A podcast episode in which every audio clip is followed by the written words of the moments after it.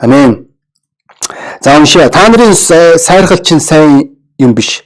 Зуурсан гурлыг жаахан хөрөнгө бүхэлд нь эсгдгийг та нар мэдэхгүй гэж юу? Та нар эсгэгдээгүй юм шиг шин зуурсан гурил байхын тулд хуучин хөрөнгийг цэвэрлэл. Учир нь алгасал баярын хураг маань болох Христ нядлуулсан. Иймд бид хуучин хөрөнгөөр бус хорсол ба ёрын нуугийн хөрөнгөөрч бус харин чин сэтгэлийн ба үнний эсгээгүй талахаар баяраа тэмдэглэе гэж эзэн хэлж байгаа. Энд чи Паулаар дамжуулан. За тэгвэл энэ чи бид нэр нэн тэргуунд бид нэр энэ ишлэл рүү анхаарлаа хандуулахаас өмнө бүгдөө нүглийн мөн чанар руу ихнээс нь анхаарлаа хандуулах туйлын чухал бол нүглийн талаар ярих туйлын чухал. Нүгэл гэдэг тодорхойлтыг Вестмерийн тойл бичгийн тайлбар дээр хэлэхдээ энэ маань бурхны хуулийг янз бүрийн хэлбэрээр зөрчиж байгаа дуулуургүй байдлын дутагдал гэж хэлж байгаа. Энэ үгс үйл бид нэр бурхны тогтоосон тэрл хууль захирамж тэр дүрмийг зөрчснөөр бидний нүгэлтэнгүүд болж байгаа. Өнөөдөр та мэдэх юм нүг хэрвээ бид нэр ямар ч хүнээс асуусан годомжинд байгаа хүнээс асуусан нүгэлгүй хүн байхгүй гэж би үүнтэй ч гэсэн санал нэгдэж байна. Нүгэлгүй хүн ганц ч байхгүй. Тэгвэл энэ дэлхий дээр би би физиологийн муу зүйлсүүд байхаас гадна мөн ёс суртахууны муу зүйлсүүд байдаг. Энэ муу зүйлсүүдэд маргаангүй нүгэл маань орж байгаа болов би баг зэрэг хэмжээгээр удаа ярьж байгааг ойлгож байна. Э, зарим гадаад хүмүүс маань монголоор ойлгохыг хүсэж байгаа учраас би албаар удаа ярьж байгаа шүү манайха. Намайг хитрхийн хурдан яриад байна гэсэн. Тэгээд монгол хэлээ сэргээчмээр гэсэн. За тэгвэл сэргээгт нь туслая. За тэгвэл Библи хаадын дээд номын 8 дугаар бүлгийн 46 дугаар ишлэл дээр хэлэхдээ нүгэл хийдгүү хүн байхгүй гэж хэлсэн байгаа. Мөн өөр нэгсгээр 1-р Иохан дээр хэлэхдээ нүгэл гэдэг бол өөрөө хууль бус байдал юм а гэж хэлж байгаа. 1-р Иохан 3 дугаар бүлгийн 4-р ишлэл дээр та бүгд хэрвээ энэ ишлүүдийг тэмдэглэж авч байгаа бол танд хэлж байна.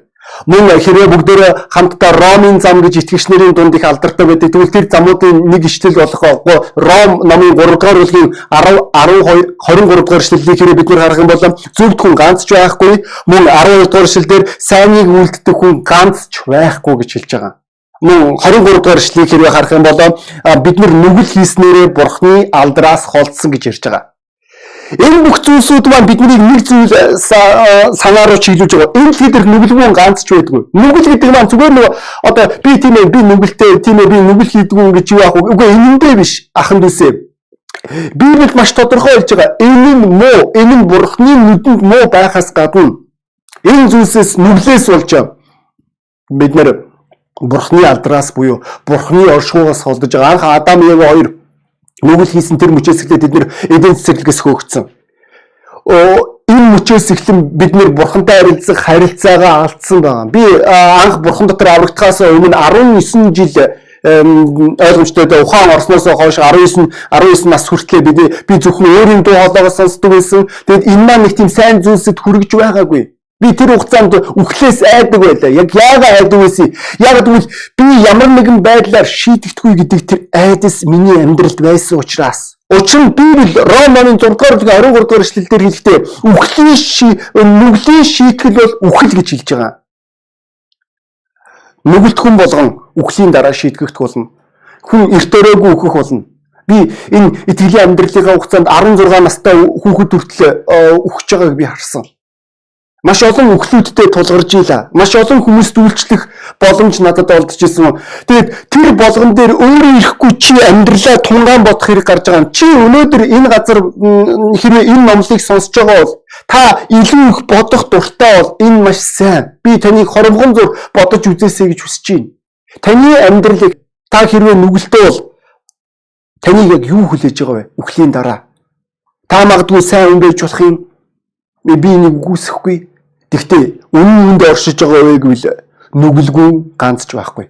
Эзекиэл намын бүгдөө хамтдаа нэгцгээ. Эзекиэл намын 8 дугаар бүлгийг та надтай хамт нэхгүй Эзекиэл намын 8 дугаар бол 18 дугаар бүлэг өршөөгөр 18 дугаар бүлгийн 20 дугаар ишлийг хамтдаа нээе. 18 дугаар бүлгийн 20 дугаар ишлэл. Нүгэл үйлдэгч нь үйлдэгч ам үйлдэгч ам өөхөх болно. Хүүн эцгийнхээ хилэнцгийг үүрэхгүй. Эцэг нь ч хүүгийнхээ хилэнцгийг үүрэхгүй. Зөвхөд нь зөв зөв нь буруутд нь гин буруу байна гэж хэлж байгаа. Энд чи ойлгомжтой энэ чи 2013 оны орчуулга орж ирж байгаа. Гэхдээ энэ хэрвээ ишлийг би танд энгийн үгээр хэлэх юм бол нүгэлт хүнийг үхэл хүлээж байгаа. Нүгэлт хүн өртөөрөөгүй үхэх болно. Мөнхийн там шатг болно. Мөн үүнээс гадна бидний ойлгох ёстой маш чухал зүйлсүүдийн нэг бол яа харахгүй маргаангүй. Та хэний ч өмнөөс амьдраагүй гэдгээ та ойлгох хэрэгтэй болов. Таны шийдвэр, таны алхам энэ ч би Библи хэлэхдээ хүн хизээч эцгийнхээ өмнөөс хариуцлага хүлээхгүй. Эцэг нь хизээч хүүгийнхээ өмнөөс хариуцлага хүлээхгүй. Зөв түн зөвхөн байдлынхаа төлөө нүгэлтгүй нүгтгүй нүглийнхаа төлөө төлөөсийг төлгөө болсон эрт оройгүй энэ маань маргаангүй болов еврейгийн загтал дээр Библи хэлэхдээ хүн нэг удаа өгч юм нүглийн шүүлт байх болно гэж хэлж байгаа. Энэ нь маргаангүй Библийн үннүүдийн нэг. Та бүгд ойлгох хэрэгтэй болов. Энийг бид нэр өөрчлөх боломжгүй. Хэрвээ та ёс суртахуунгүй амьдарч байгаа бол энэ маань эрт өрөөгүй таны бие махбод дээр илэрх болно. Би нэтгэлийн амьдралынхаа хугацаанд ёс суртахуунгүй нүгэл маань яаж хүмүүсийн амьдралд нөлөөлдгийг би харж байна. Манай хэрвээ та бүгд хэрвээ манай Монголын ихэнх хүмүүсийг хэрвээ авч үзэх юм бол илгэний асуудалтай байгаа. Тэгвэл Библи хэлэхдээ завхаар ёс суртахуунгүй амьдрал араар тавилт мөн өөр бусад бүсийн завхаарл маань илэг рүү яг л сумлж байгаа мэт гэж хэлж байгаа. Энэ нь юу гэсэн үг вэ? Чиний илгийг сүрүүлнэ гэсэн үг. Эрт өрөөгүй чи насны эцэст чи гидсэн цэрийн нэг сонирхолтой библ дээр нэг түүх бий. Араар тавьсан эмэгтэйг барьж авахын тулд түүнийг тодорхой нэг усыг уулгах үед тэр эмэгтэй хөлн нарийсаад гидсэн цэрийдэг байсан байгаа. Энэ бол илэгний цироз. Тэгвэл би саяхан хэдэн сарын өмнө би илэгний мэрэгжилтэн өдөр нь одоо халдвартын эмнэлгийн нэг мэрэгжилтэн эмчээс би энэ асуултыг асуусан. Асуулт нь дараах байдлаар байсан завхаар л одоо манай монголчуудын завхаарл маань бидний илгэнд нөлөөлөх үү гэж хэлэх үед тэр эмэгтэй маань тийм ээ наад санаа чинь библиэлд байгаа. Би тэгээд наад санаатаа чинь 100 санал нэгдэдгээ гэж хэлсэн байгаа. Энэ нь юу гэсэн үг вэ? Итгэгч найз магадгүй чи итгэгч биш үучлах юм. Бидний нүглийн үр дагавар эрт өрөөгүй бидний бие махбод нөлөөлдөг. Мөн өөр бусад өчнөө бие организмд нөлөөлдөг нүглийн хор уршгууд бий. Жишээлбэл хүсээгүй хүүхэд хүсээгүй хүүхэд эсвэл гэрэлтээс өмнөх одоо сексийн харилцааны улмаас үүссэн тэр хүүхдүүдийг хэрэг бид нэр харах юм бол тэдний хэд хэдэн шинж тэмдгүүд илэрж байгаа арсны өвчнөд эсвэл дүлий байх жишээтэй Тэгэд энэ болгон дээр би энэ итгэлийн амьдралынхаа хугацаанд маш олон удаа залбирах боломж надад олдож исэн. Мөн тэр бүх зүйлсүүдээс татгалзах үед тэд нар эдгэрж байгааг ч би харж илаа. Хамгийн анх би итгэгч итгэлийн амьдралаар амьдарч байгаад ерөөсөө итгэгч байгаад би нэг 2 жил болж исэн үгүй яг тийм хүний төлөө залбирх боломж олдсон пастортойгоо хамт. Нэг жоохон охиныг авчирж байгаа. Тэгээд тэр жоохон охин маань тэр чигээрээ ингээд энэ баруун энэ чихнийх нь энэ ар эсгээр ингээд тэр чигээр эдээгээр дүүрсэн нэг тийм шарх байсан. 3 дахь өдрийн цуглаан дээр тэр юм охиныг авчирж байгаа. Тэгээд тэр охины төлөө залбирхад пастор асууж байгаа. Энэ гэрэлтээс өмнөх би бас өгтүү гэж асуусан. Тийм ээ гэж байгаа. Тэгвэл энэ зүйлстэй та бүгд гимшээ тэдний итгэгчнэр байсан. Тэгээд гимшээд тэгээд энэ охины чинь төлөө залбирая гэдэг. Тэгээд залбирж байгаа. Дараа нь бүтэнсэн өдрийн өглөөний цуглаан дээр ээж нь хурж ирээд тэр жоохон охины дөнгөр тэр няраа охины ээж нь хурж ирээд залбирснаас хойш тэр оройдоо 3 дахь өдрийнхөө оройдоо арсных нь тэр шарах идэн тэр чигээр алгуулсан гэж хэлж байгаа. Энэ өөрөө гайхамшиг шүү. Нүгэл бидний амьдралд хор учруулдаг. Тэгвэл Библи хэлэхдээ нүгэлт хүн болгоныг там хүлээж байгаа. Бурхан хүмүүсийг там руу яваасаа гэж хүсэхгүй байгаа. Энэ шалтгаанаар тэрээр өөрийн цорын ганц хүүгээ загалмай дээр цовдлсон. Есүс Христ сайн дураар өгсөн. Бидний нүглийн төлөөсийн төлөө. Бүр Библи Ром номын 5 дугаар бүлгийн 8 дугаар шил дээр хэлэхдээ бид нарыг нүгэлтэн байх үед Есүс Христ бидний нүглийн төлөөсийн төлөө өгсөн гэж хэлж байгаа. Намайг би Есүс Христийг мэддэггүй бүр эсэргүүцдэг, дургуутдаг байх тэр үед Есүс Христ миний нүглийн төлөө өгсөн. Энэ төлөөсийн ачаар би аврагдаж байгаа. Энэ золиосын ачаар энэ Есүс Христийн золиосын ачаар би Бурхнаар уучлагдах боломж олгож олгогдож байгаа. Энэ нь Библи хэлэхдээ Бурхны биднэрт өгж байгаа биелэг. Энэ нь үйлсээр биш. Есүс Христийн золиосын ачаар. Энэ шалтгаанаар бид нэг бас энэ баярыг тэмдэглэдэг болов. Тэгээд би цаашаа явмаар. Бүгдээрээ хэрвээ хамтдаа 2 дугаар Коринт 2 дугаар Коринт 2 дугаар Коринтын а 5 дугаар бүлгийг хэрвээ та надтай хамт нээх юм бол энэ чинь нэг юм ишлэл байгаа. Уучлалын дараах үйл явц. 2 дугаар Коринт 5-ын 15 дугаар шил. Тэрээр бүгдийн төлөө өгсөн учраас амьд байгсад цаашид өөрсдийн төлөө бус харин өөрсдийнх нь төлөө өгөхөд амьлуулагдсан түүний төлөө амьдрах ёстой гэж Библи хэлж байгаа. Энэ гайхалтай ишлэл гэдгийг ойлгож байна. Ч эзэн хэлэхдээ Есүс Христ бидний нүглийн төлөөс төлөө өгснээрээ бид нар нүгэлдээ үхээд бид нар Христтэй хамт амьлсан. Тэгвэл бидний амьдрал маань өнөөдөр өөрсдийнхөө төлөө биш Христийн төлөө амьдрах туйлын чухал байгаа. Есүс Христийн төлөө амьдрах. Тэрнээс бол өнөөдөр та найз минь итгэгч найз минь хэрвээ чи бурхан дотор уучлагдсан, аврагдсан бол Энэ нь чамайг баруун зүнгүй нүгэл хийгсэн юм биш. Өнөөдөр энэ ойлголт байгаа юм уу? Уучлагдсан бол кальвинизмын үзэлт юм уу? Уучлагдсан бол тэгээ мөнхөд уучлагдсан. Үгүй тийм биш ээ. Чи хэрвээ нүгэл хийх юм бол чи өөрийн авралаа эрт өрөөгөө алдах аюул юу? Чи нэгүсэл дунд амьдарч байгаа үнэ. Одоо ийм хатуу байх хэрэггүй янз бүрийн байдлаар орчин христчлийн ертөнцийн нүгэл гэдгийг асуудал гэж ярьж эхэлж байна.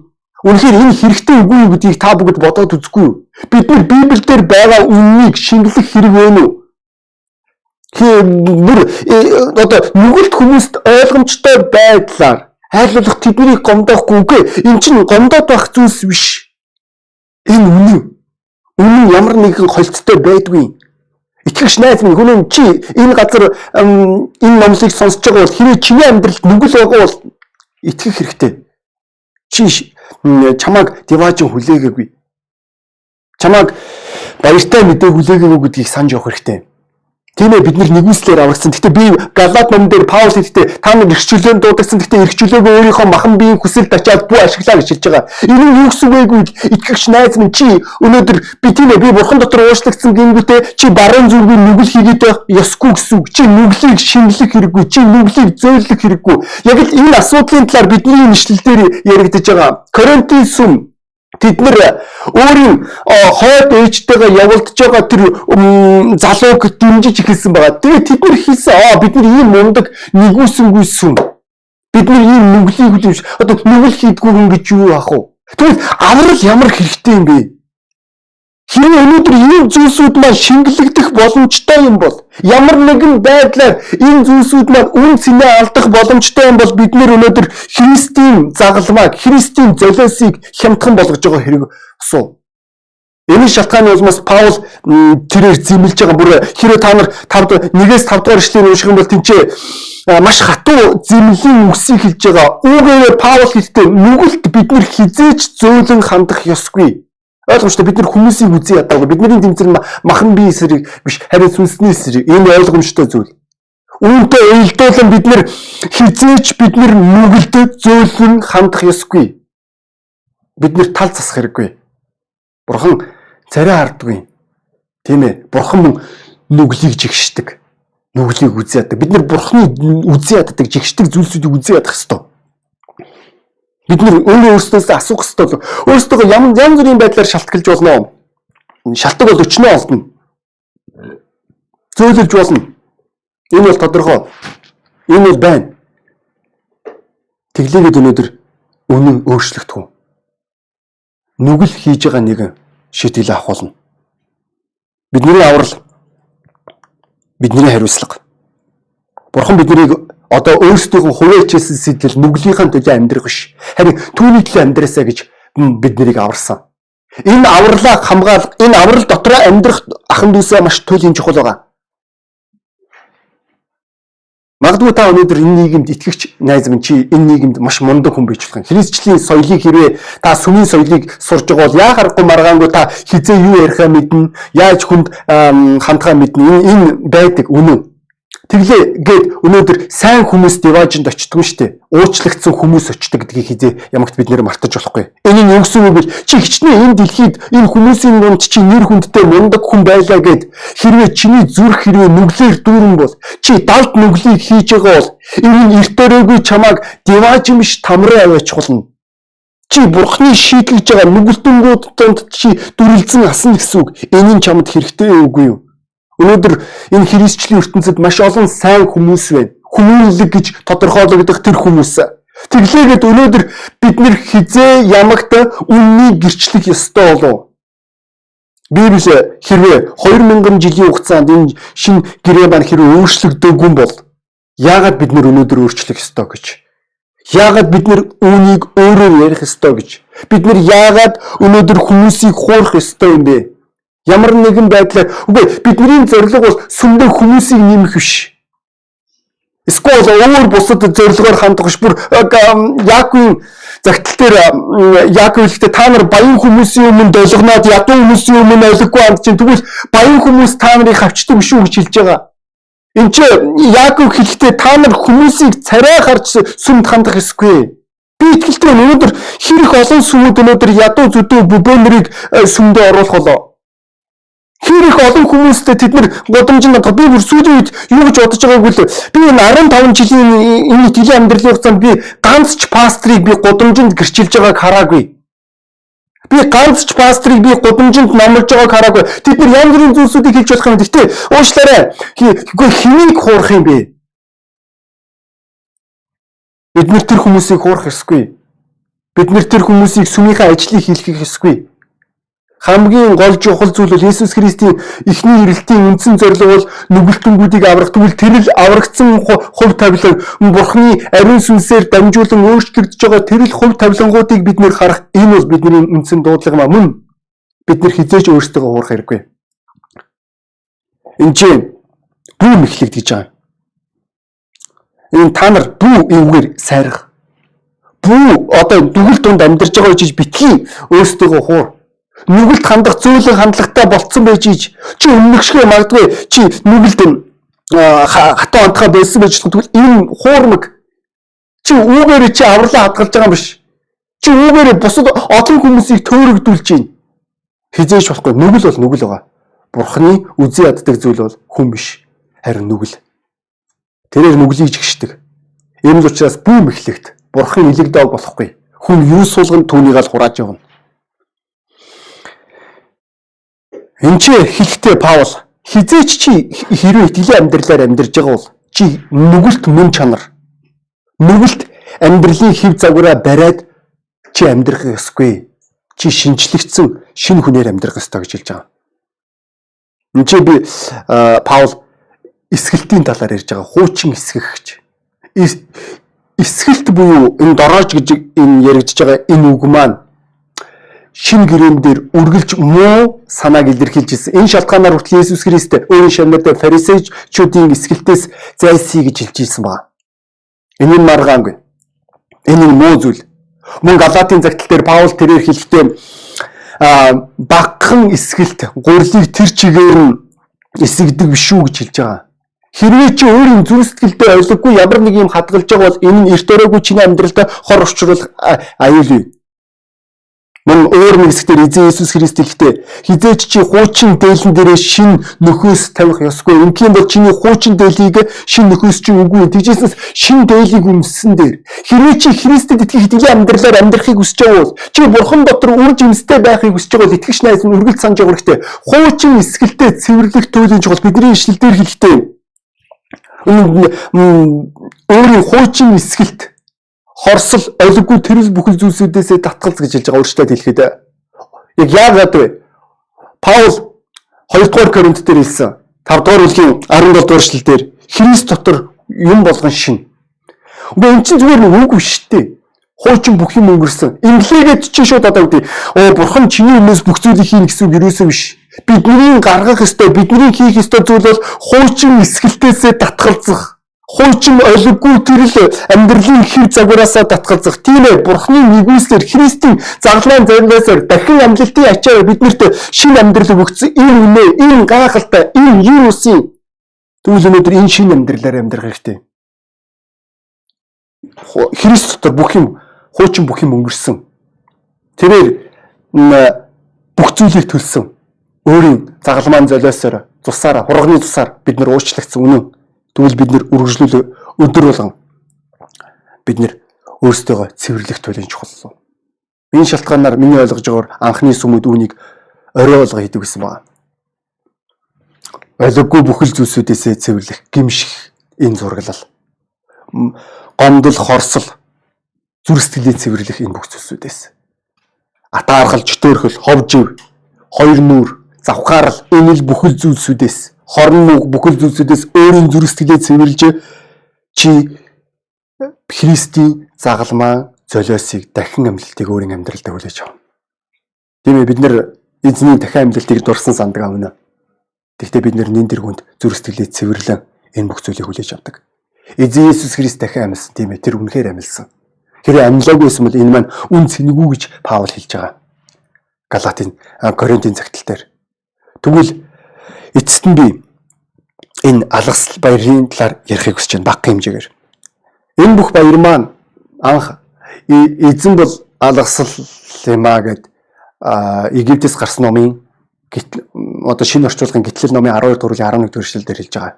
Тухайн үед Израилийн ард түмэн еврейчүүд маань 430 жилийн хугацаанд Египтийн боолчлол донд байсан. Тэд нэр үнэхээр харгас боолчлол донд байсан байна. Тэгээ бурхан өөрийн ард түмнээ чөлөөлөх тэр мөчөд хамгийн сүүлчийн Цааз болох тэр цаазыг буулгах үедээ бурхан бурхны эзний сүнс хурганы цусны ачаар тэр хүмүүстээ алгасан дээгүүр нь өнгөрдөг гэсэн байна. Энэ үүнтэй уялдуулан бисах гэдэг үг э, армэ одоо еврей хэлний энэ бисах буюу өнгөрөх дээгүүр нь өнгөрөх алгасах гэсэн утгатай үг гарч ирж байгаа.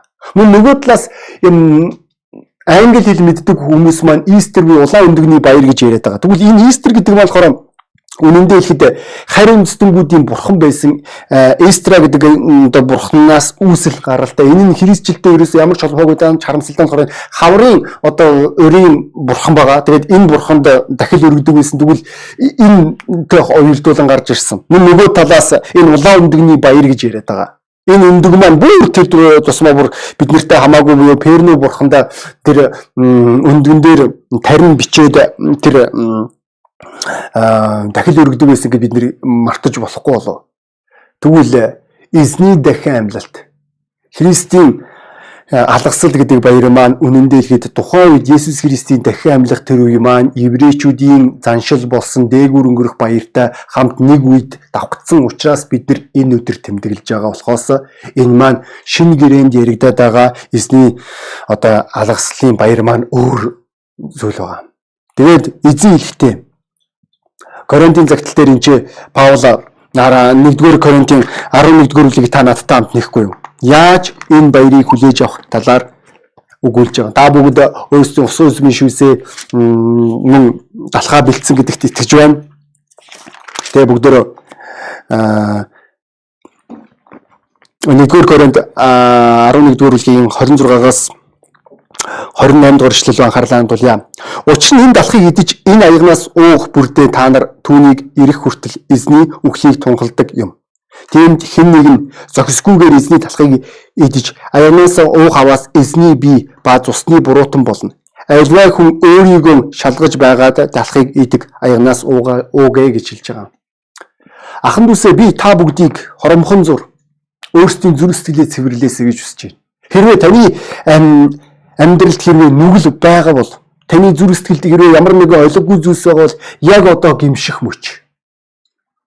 Эзэн Есүс Христ бидний хуучин хуучин амьдралыг нүглийг уучлсан энэ үнэ энэ гайхалтай зүйл. Тэгвэл мөн хуучин өнгөрсөн шин одоо бүтээл энэ одоо шин бүтээл дотроо мөн бидний бурхны уучлал доторх тэр нэгүсэл дотор амьдрах ахан дүүсээ туйлын чухал. Тэгээд энэ хоронгон зур хүн болгон энэ ус үзмийн шүс мөн энэ эсхээгүй далахыг барьж явах энэ мөчөд Эзэн Иесус Христ хэлэхдээ энэ бол та бүгдийн төлөө миний өгөх бие гэж хэлсэн байгаа. Хугарсан бие. Бидний нүглийн төлөөсөө төлөө өгж байгаа тэр бие. Тэгвэл үүнийг дурсан санаа. миний дахин ирэлтийг хүлээж гэж хэлж байгаа. Энэ нь юу гэсэн вэ? Одоо энэ мөчөд бидний бурхнаар уучлагдсан. Тийм ээ. Есүс Христ миний нүглийн төлөө өгсөн. Би үүнийг хүлээн зөвшөөрөв. Эзэнт талархан үүнийг хүлээж авах гэсэн үг. Би та бүгдийг энэ талхыг эдээсэй гэж хүсэж байна. За. Мөн эзэн тэр орой буюу еврейчүүдийн эхлэл тэр өдөр тэрээр хэлэхдээ усан үзмийн шүүсийг аваад заримдаа итгэгчнэр хэлдэг энэ дарс үгээд дарс биш. Тинчээ тэр бидний яриад байгаа тэр дарс байгаагүй. Дарс гэдэг маань грек хэлээр өөр үг орж ирж байгаа. Тэгвэл энэ чинь ус үзмэн шүүсээр гэж байгаа. Энэ нь та нарын төлөө урсгах миний цусны бэлэгдэл гэж хэлсэн. Энэ нь бэлэгдлийн чанартай гэдгийг мэднэ. Гэхдээ бид нар үүнийг хийх үедээ хэлдэг. Эзэн минь танд баярлаа. Өөрийн цусаа бидний төлөө урсгасанд. Гэт бид нэр энэ ус үзмэн шүүсийг удаг байна.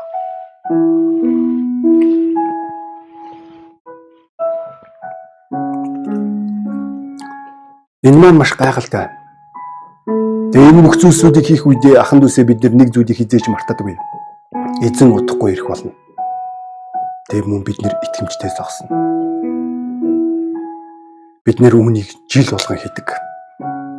Энэ бол нэг талын дурсамж, нэг талын ирээдүйн найдвар байна. Үүнийг шашинжуулах хэрэггүй.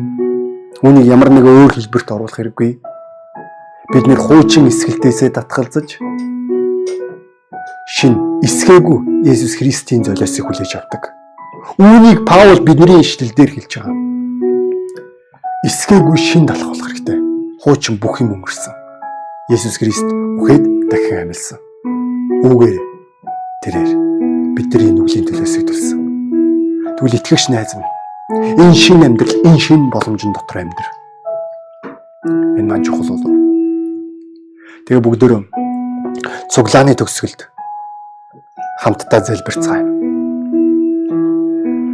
Тэнгэрлэг эцэг минь өнөөдрийн энэ номлыг өнөөдрийн өглөөг ивэс эцэг тандаа талархаж чинь эзэм нэ. Та бидний төлөө өөрийн цусаа урсгаж өөрийн амиа өгсөн түнхээр танд баярлж байна. Таны загалмаан золиосын ачаар таны дахин амьлалтын ачаар бид нэр уучлагдаж бид нэр шин амьдрал таны уучлал дотор амьдрах боломж олгосон эзэм. Таны нэгүсэл дотор амьдрах боломж олгосон.